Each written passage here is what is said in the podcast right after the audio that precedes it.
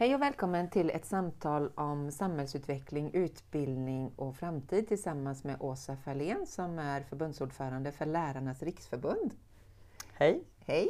Vi sitter här på ett fina kontor i Stockholm på Sveavägen. Ja. Eh, och jag eh, frågade dig om du hade en liten tid att prata med mig just om det här med utbildning och hur tänker vi framåt och vilka utmaningar finns det? Och du hade en liten tid att skvisa in för ett litet samtal, vilket jag är jättetacksam för. Mm. Eh, och jag tänkte faktiskt först fråga dig eh, lite om dig och hur, hur hamnade du här i Stockholm från Göteborg? Ja, det är en bra fråga. Ja. Nej, men jag, jag eh, utbildade mig till eh, gymnasielärare och eh, fick jobb på en skola i Göteborg. Ehm, har nog nästan alltid velat bli lärare, tycker det är jätteroligt att vara lärare. Men jag såg ju också att det var saker och ting som jag skulle vilja göra bättre på skolan för att få bättre möjligheter att göra mitt jobb. Mm. Och inte bara jag utan också mina kollegor. Ehm, och, då, och jag gick med i fackförbundet, Lärarnas riksförbund, när jag pluggade på slutet där. Och sen då så har man fackmöten och man sitter och diskuterar de här sakerna och man då liksom driver på lite frågorna så är det alltid någon som säger, men kan inte du vara ombud? Och då kände väl jag att eh, om man nu vill förändra så kan man inte bara lita på att andra ska göra det och luta sig tillbaka. Utan vi måste ju alla ta ett ansvar. Så då sa jag, ja, men okej, då, det kan jag väl tänka mig att göra. Mm. För att ja, men ta, jag tar min del av ansvaret. Mm. Eh, så då började jag vara valombud och det var jag i ganska många år. Och sen fick jag frågan om jag ville eh, engagera mig fackligt i Göteborg eh, som biträdande kommunombud. Och då var det samma fråga där, men klart att större möjligheter att påverka. Mm. Så gjorde jag det. Eh, Hur, hur jobbar man också då? Eller Ja, hur? ja, ja det man absolut. hela Jag hade, ja, Mm. det, hade, det gjorde jag. Och så har man kanske en liten del av sin tjänst som man är facklig på. Mm. Så att, eh, det är så det går till. Så du har, har båda, båda delarna. Eh, så. Och sen så fick jag frågan om jag ville ställa upp till, eh, som tredje suppleant till kongressen. Och det var lite så, där hade Göteborg en representant, en man som var lite äldre än mig. Och så på sikt tänkte man, men då kanske liksom när han slutar, då kanske Göteborg ska ha en annan kandidat. Men sen rasslade det på ganska fort och, och ett år efter jag hade sagt ja till att vara tredje suppleant så satt jag i förbundsstyrelsen. Eh, och då var det en, ett år in på mandatperioden så var det tre år kvar. När vi började närma oss nästa kongress så var det en ganska stor diskussion vem som skulle, för skulle det han som var ordförande sluta. Ja. Eh, och vi satt och diskuterade fram och tillbaka vem det skulle vara. Och jag, och jag fick en fråga någon gång i början men sa nej men det kan inte jag. Jag bor i Göteborg och jag ja, jobbar som lärare och så vidare. Men till slut så fick jag frågan av valberedningen trots allt väldigt tätt inpå och då var det också lite sådär att Ja men okej, nu har faktiskt någon frågat mig. Mm. Varför frågar de mig? Mm. Och jag hade inte riktigt tagit reda på det där svaret men nu kände jag att när jag fick frågan så på slutet, de ville verkligen nominera mig. Så då ringde jag och pratade med folk som eh, vet vad uppdraget går ut på. Och då kände jag att ja, men det här kan jag nog göra. Och påverka. Ja, och jag skulle nog till och med tycka att det var roligt. Mm. Och då var det väl lite så att ja, men det är ju en, en fråga du kanske bara får en gång. Mm. Och, och också ta ansvar Mm. för. Så att lite så hålla för näsan, blunda och hoppa. Mm. Och sen blev jag faktiskt vald med bara fem rösters marginal. så det var ju långt ifrån säkert. Och då kan jag säga att tveksamheterna handlade inte så mycket om uppdraget i sig. Det kanske låter jättekaxigt men jag hade större farhågor eller det som, som kanske hindrade mig det var ju just att jag bor i Göteborg och har min Mm. familj där. Mm. Men också att detta är ett heltidsuppdrag. Mm. Så då var jag tvungen att lämna mitt lärarjobb Mm. som jag genuint tycker är jätteroligt. Mm. Men när du beskriver din resa så är det ju någonstans att det är någonting som triggar hela tiden. Även om det finns mycket som motstånd och sådär så är det någonting som gör att du inte kan släppa tanken eller Mm. du tackar inte nej, även om det ibland är hoppa Mm. och hålla för näsan Mm. och hoppas att man landar Mm. någonstans. Eller?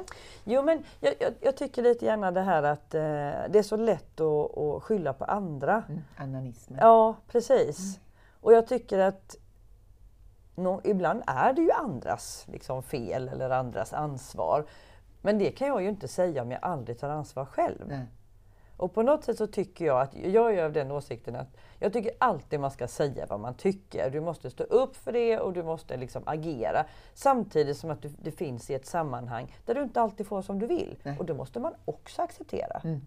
Men om du aldrig säger vad du vill, Nej. då kommer du aldrig få som du vill. Och istället går och muttrar och blir bitter. Ja. Och, ja. Nej, gör någonting åt det. Ja. Och nu sitter du här. Ja. Ett, Och försöker göra någonting åt det. ja, precis. I ett hörnrum Ja. nära högsta över oss i styrelsen. Ja. Eh, hur är det? Eh, det är ett jättespännande uppdrag Mm. som är, har otroligt många delar och kanske fler delar än vad jag visste om Mm. när jag tog det och det kanske var lika bra. Ja. Nej, men jag är ju eh, förbundsordförande, jag är ordförande för eh, ett, ett fackförbund som ju baserar sig på eh, medlemmarna, alltså Ja. lärare och studie och yrkesvägledare ute i landets skolor. Mm. Ehm, Så att medlemmarna ute på en skola väljer sina ombud. I en kommun så väljer medlemmarna den som ska vara kommunombud och företräda medlemmarna gentemot den kommunala arbetsgivaren. Eller om det är någon fristående skola, föreningsombud som ska vara representant. Och sen så väljer medlemmarna utifrån från olika distrikt väljer representanter till en kongress som vi har vart fjärde år. Eh, och på den kongressen då som vi hade 2016 och som vi hoppas att vi kan ha nu i år 2020. Då väljer man förbundsordförande, förste och andra vice ordförande, förbundsstyrelse och andra eh, arvoderingsnämnd och så vidare, andra sådana här eh, funktioner som finns. Så, och så leder man då som ordförande så leder jag ju styrelsens arbete och då har vi de här dokumenten som finns ifrån kongressen, de beslut vi har fattat, våran politik. Mm. Vad ska vi driva för utbildningspolitik? Vad ska vi driva för lönepolitik när det gäller arbetstid och arbetsmiljö, alltså arbetsvillkoren? Mm. Eh, så lite olika sådana här frågor som vi då har fyra år på oss att, att jobba med. Mm. Och till min hjälp och till styrelsens hjälp så har vi då ett kansli Mm. eh, och som har anställda både här i Stockholm, det är alltifrån ekonomifunktioner till expedition och sådana saker, men också anställda runt om i landet. Eh, och det är ju kanslichefen som jag har mest kontakt med. Mm. Och då är ju kansliet till för att utför, kunna alltså utföra det som kongressen har beslutat och som, som styrelsen och jag som ordförande också beslutar. Och de, det arbetet vi ska göra så finns ju kansliet till stöd för att, för att utföra. Allt ifrån liksom medlemsservice till eh, ta in medlemsavgifter till att ha kontakt med press och sådana här saker. Mm.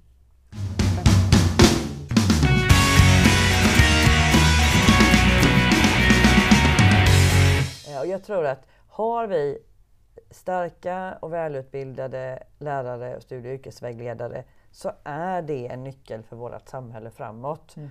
Och, då, och det inbegriper det allt ifrån eh, vår utbildningspolitik, vad vi tycker om lärarutbildningar, vad vi tycker om kanske ett professionsutvecklingsmöjligheter, vad vi tycker om eh, lönesystem, vad vi tycker om vad som behövs för att skapa en god arbetsmiljö, de här frågorna. Hela det paketet. Mm. Den, den andra delen är att vi har eh, en fråga uppe om vi eventuellt ska titta på att eh, göra någonting tillsammans med våra konkurrenter slash kompisar, Lärarförbundet. Mm. Eh, och den frågan är också uppe. Mm. Och det handlar ju om, vi tecknar avtal tillsammans Mm. eh, och vi organiserar i ganska hög utsträckning samma typer av, av kategorier av medlemmar. Så vi konkurrerar med varandra. Hur länge kan vi göra det? Ja. Och vad är det vi i så fall ska göra eh, istället? Mm.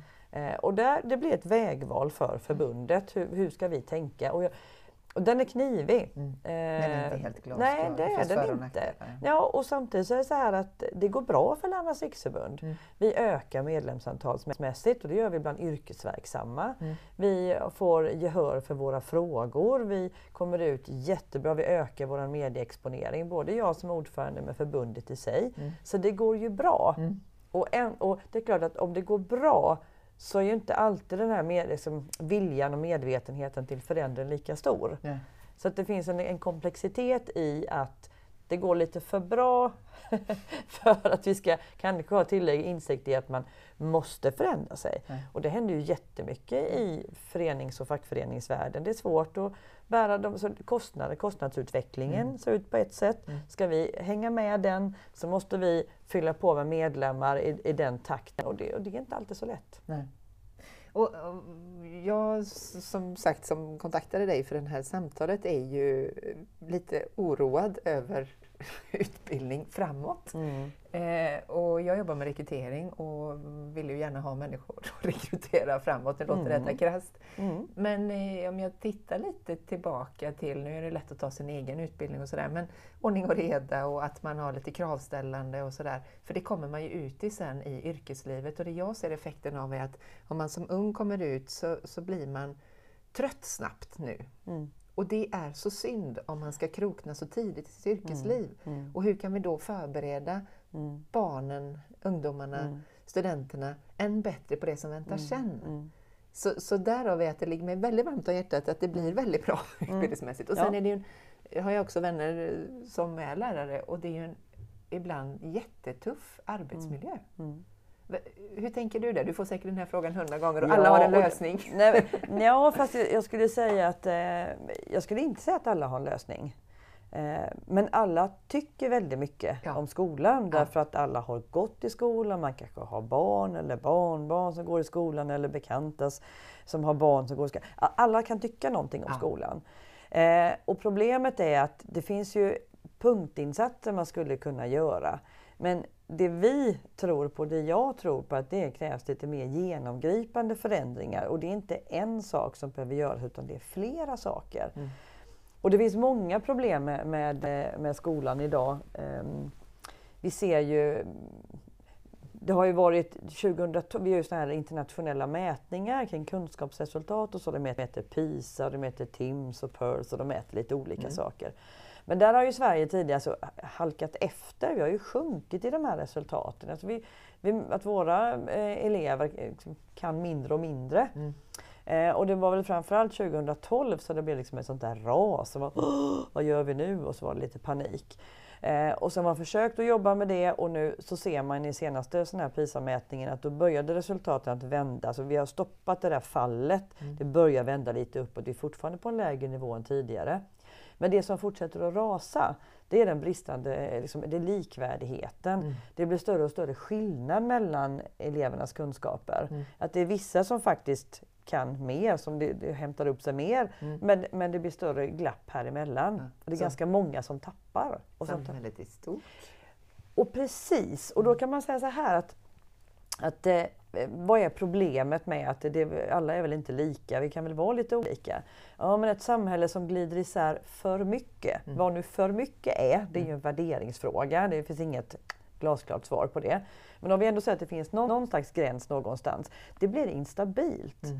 Därför att om, om du inte får med dig tillräckliga kunskaper ifrån skolan som gör att du känner att du kan vara delaktig i samhället, att du känner att du kan förstå vad som diskuteras och sägs, att du kan vara delaktig i de här diskussionerna, i debatterna, att du kan göra din röst hörd. Mm. Om du inte känner att du kan det, mm.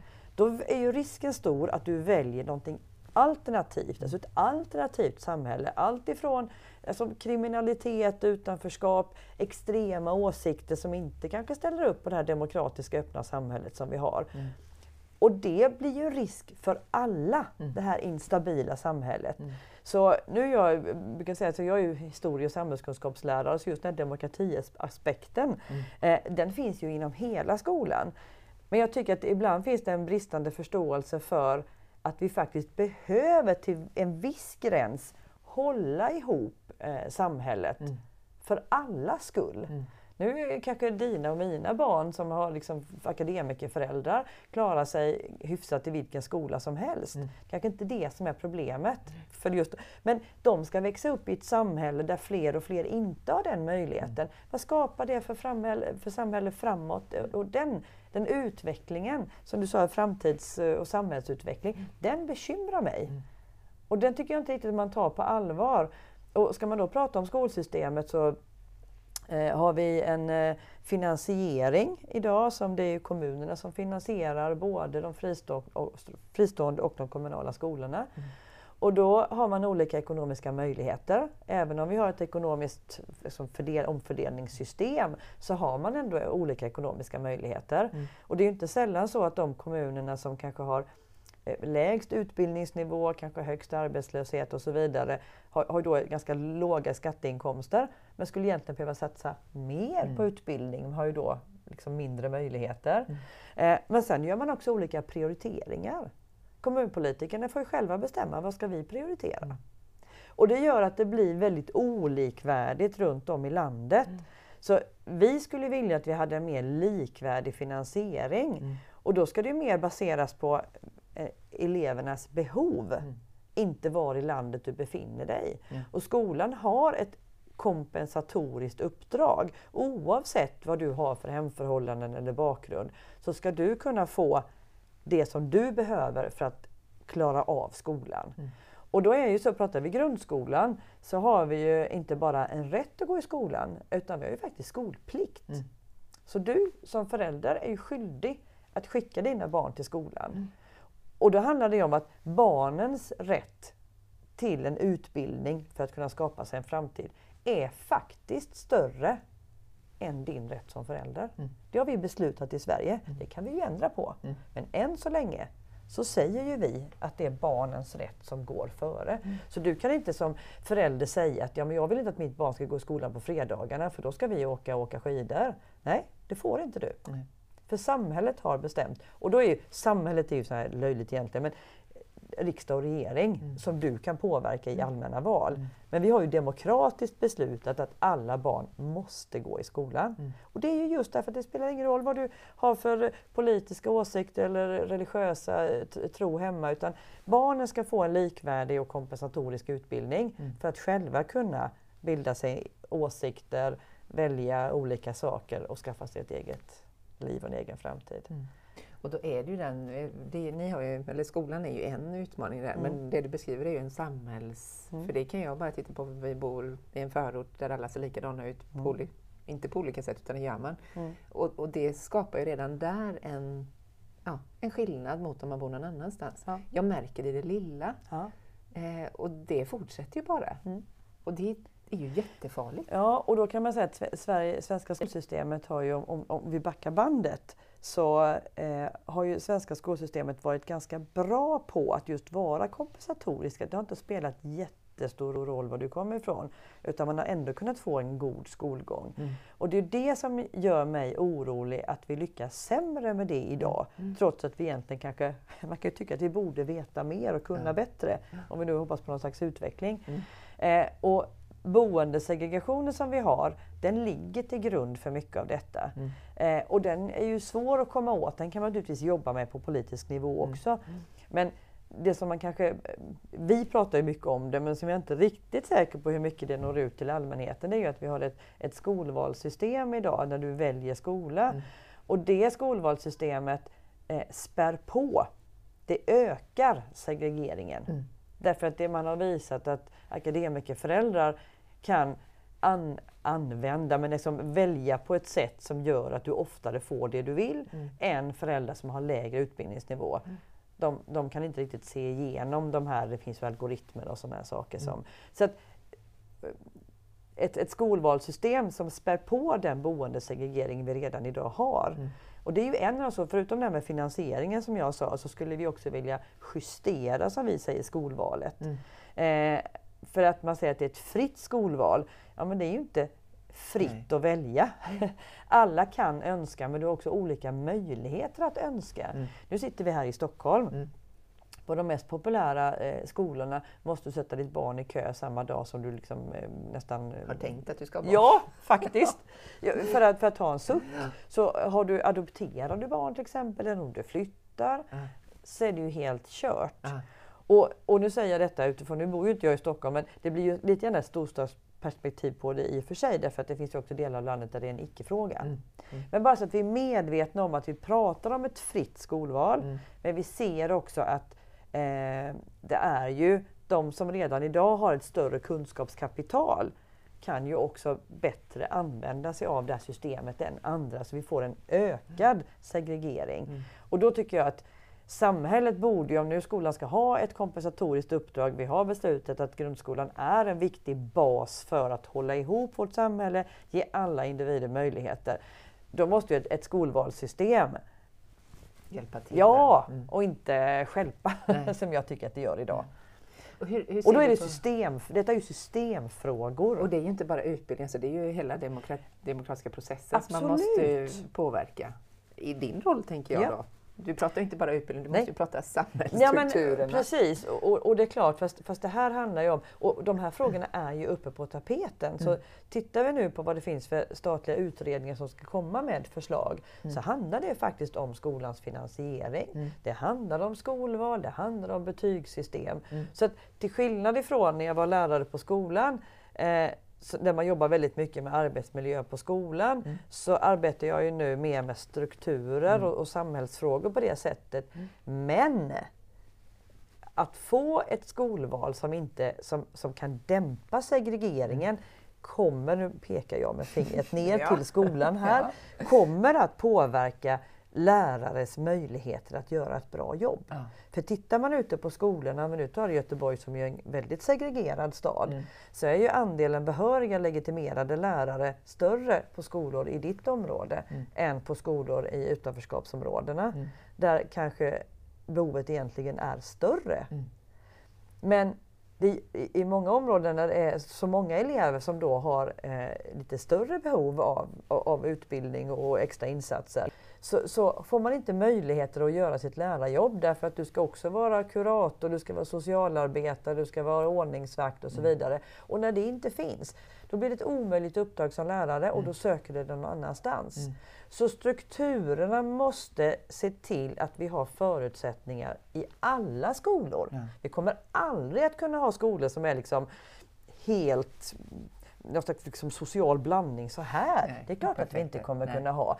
Men vi måste, vi måste kunna liksom motverka den splittringen som vi har idag. För att kunna hålla ihop samhället och för att kunna bevara vår demokrati och vårt demokratiska samhälle och, och öppenheten. Och den är hotad idag. Den är rejält hotad. Ja. Men lite, om vi nu går ner, som du pekade ner till Mm. bordsskivan här. Eh, Ja. Lärarnas eh, arbetsmiljö idag. Mm. Vad, vad kan man, för det här, det här tar ju tid Ja. att vända. Precis. Vad är det man kan göra här och nu? Liksom? Ja, men- vad gör man där? Eller hur tänker du Mm. där? Och då, då, både det att, att de här systemfrågorna är viktiga när man, för att de tar tid att få på plats, men bara att vi diskuterar dem. Mm. Att vi diskuterar vad är viktigt. Och jag kan tycka att, att ibland så har vi pratat om skolan som eh, eh, omsorgsverksamhet. Mm. Det, vik, det viktigaste är att barnen är i skolan och att de mår bra. Och då känner jag så att nej, Nej, det kan jag hålla med om. det viktigaste är faktiskt att barnen lär sig någonting. Ja. Men för att barnen eller eleverna ska lära sig någonting så måste de må bra. Ja. Men det är faktiskt en stödfunktion runt omkring. Och då har hemmen har en uppgift, se till att, att eh, barnen har ätit, sovit, eh, gjort sina läxor och så vidare. Det är hemmens uppgift. Mm. Eh, skolans uppgift är att skapa en trygg miljö där det finns stödinsatser i form av eh, alltså elevhälsa, eh, måltider, alltihopa där runt omkring. Men alltihopa måste syfta till själva kunskapsuppdraget. Mm. Och det tycker jag har fått stå tillbaka. Ja, helt enig. Eh, ja, så att, och då hoppas jag att i den här debatten som jag ändå tycker vi för nu, Ja. att lärare blir lite stärkta av att deras uppdrag är viktigt. Ja. När jag kom ut som färdig lärare, det var i slutet på 90-talet, då var det om man skulle komma ut liksom och coacha eleverna, ska glida runt lite i klassrummet och handleda. Och det kändes nästan som att vem som helst skulle kunna göra det. Ja. Varför gick jag så många år på universitetet och vem som helst kunde göra det? Ja. Jag, jag kände att det passade inte riktigt mig och, och det var väl en del i det här att jag ville ha andra. Påverkansmöjligheter. ja. Så att jag tycker att vi måste, vi måste lyfta fram och jag, jag, när jag är ute och pratar med medlemmar och, och, och andra så brukar jag säga att jag tycker lärare måste bli kaxigare. Ja.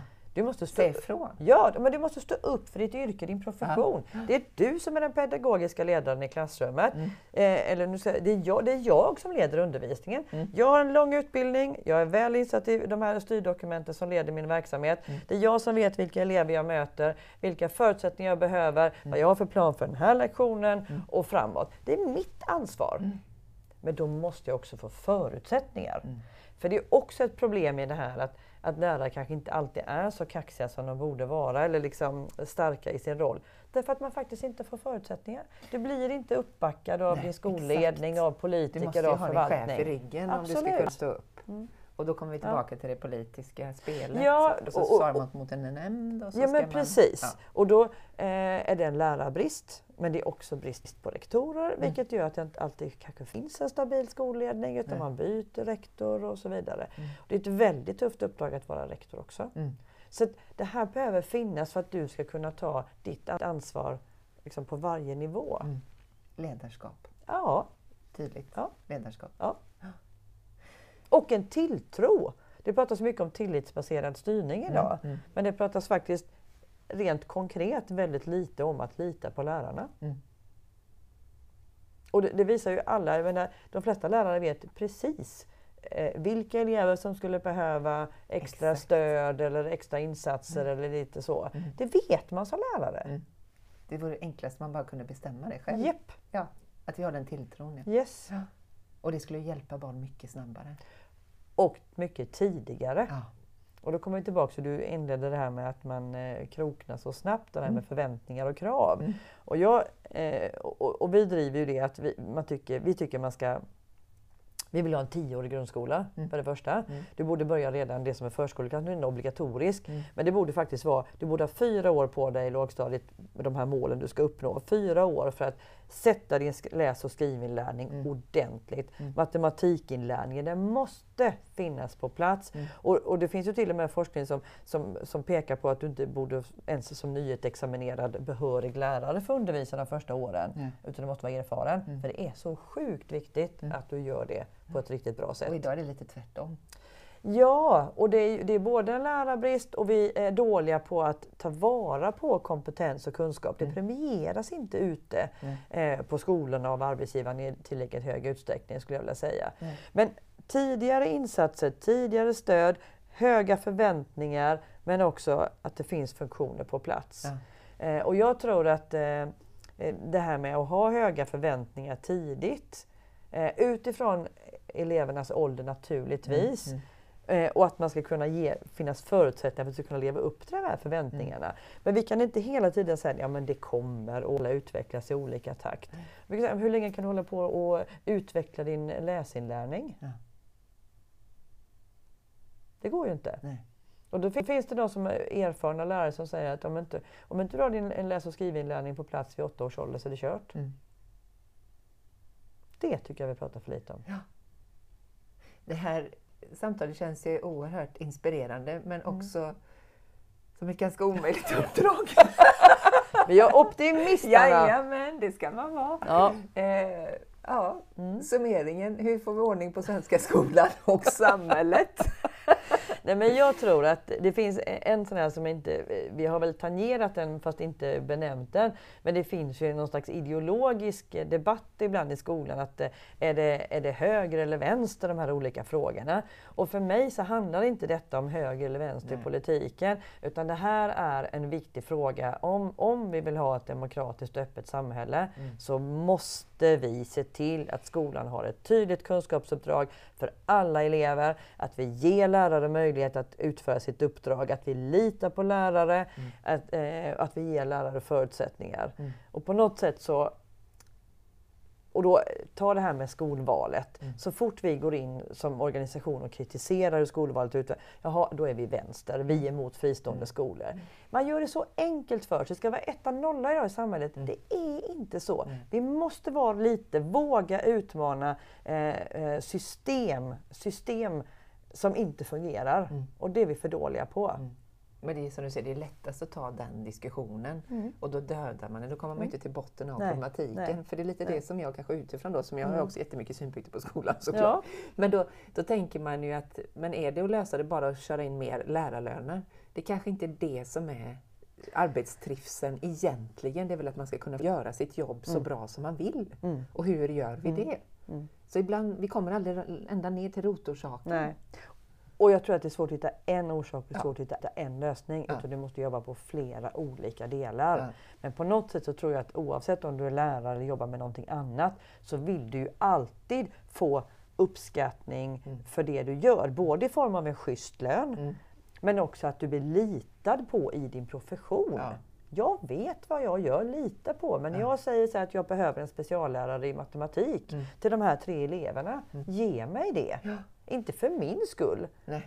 för de elevernas och faktiskt för i samhället, samhällets skull i förlängningen. Exakt. Mm. För det finns ju ganska mycket uträkningar på hur mycket kostar det om man inte klarar grundskolan. Om man inte, alltså det är ju enorma summor mm. per individ. Mm. mm. Så om vi inte sätter in resurserna tidigt så kommer vi förlora hur mycket som helst. Och det är väl demokratins dilemma. Ja. Att du har mandatperioder och det blir en viss kortsiktighet i ja. det. Ja. Och, här så, och det är därför jag brukar säga att du måste ju se utbildning och skola inte som en kostnad i en budget. Du måste se det som en investering. Exakt.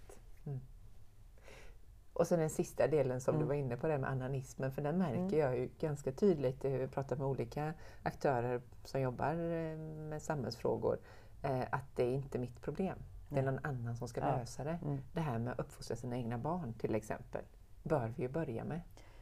Det är absolut hemmens ansvar. Ja, mm. Så att inte läraren hamnar Nej. emellan där. Och gör det såklart mm. för barnets skull. Mm.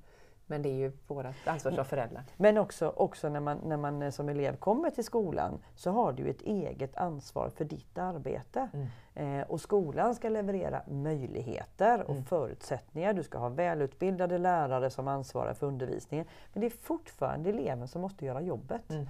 och det tror jag att vi trycker lite för lite på. Exakt. Och det behöver föräldrarna också tydliggöra hemifrån. Absolut. Ja och stötta. Mm. Det tror jag man kan göra som, som förälder eller som samhälle i stort. Alltså backa upp skolan, ja. prata väl om det. Ja. Eh, Tillbaka till tilltron för läraren. Ja. Inte ifrågasätta. Och det lägger också över ett stort ansvar på oss som lärare som vi måste ta på allvar. Ja. Man tar Absolut. den rollen. Ja. Så det, det blir vår uppgift att faktiskt axla det. Mm. Jättespännande Åsa, mm. tusen tack! Vilket ja. spännande jobb du har! tack för att jag får prata om det, det är jätteroligt! jag tackar så jättemycket för din tid. Jag vet att du har jättemycket möten. Jättetacksam för att jag fick komma hit. Mm. Eh, och för ni som lyssnar, PS Möter fortsätter att hitta intressanta människor att intervjua och gärna då lära mig något nytt hela tiden och gärna ni som lyssnar också. Samhällsutveckling är viktigt och vad kan vi alla göra och bidra med framåt? Tusen tack! Tack så mycket!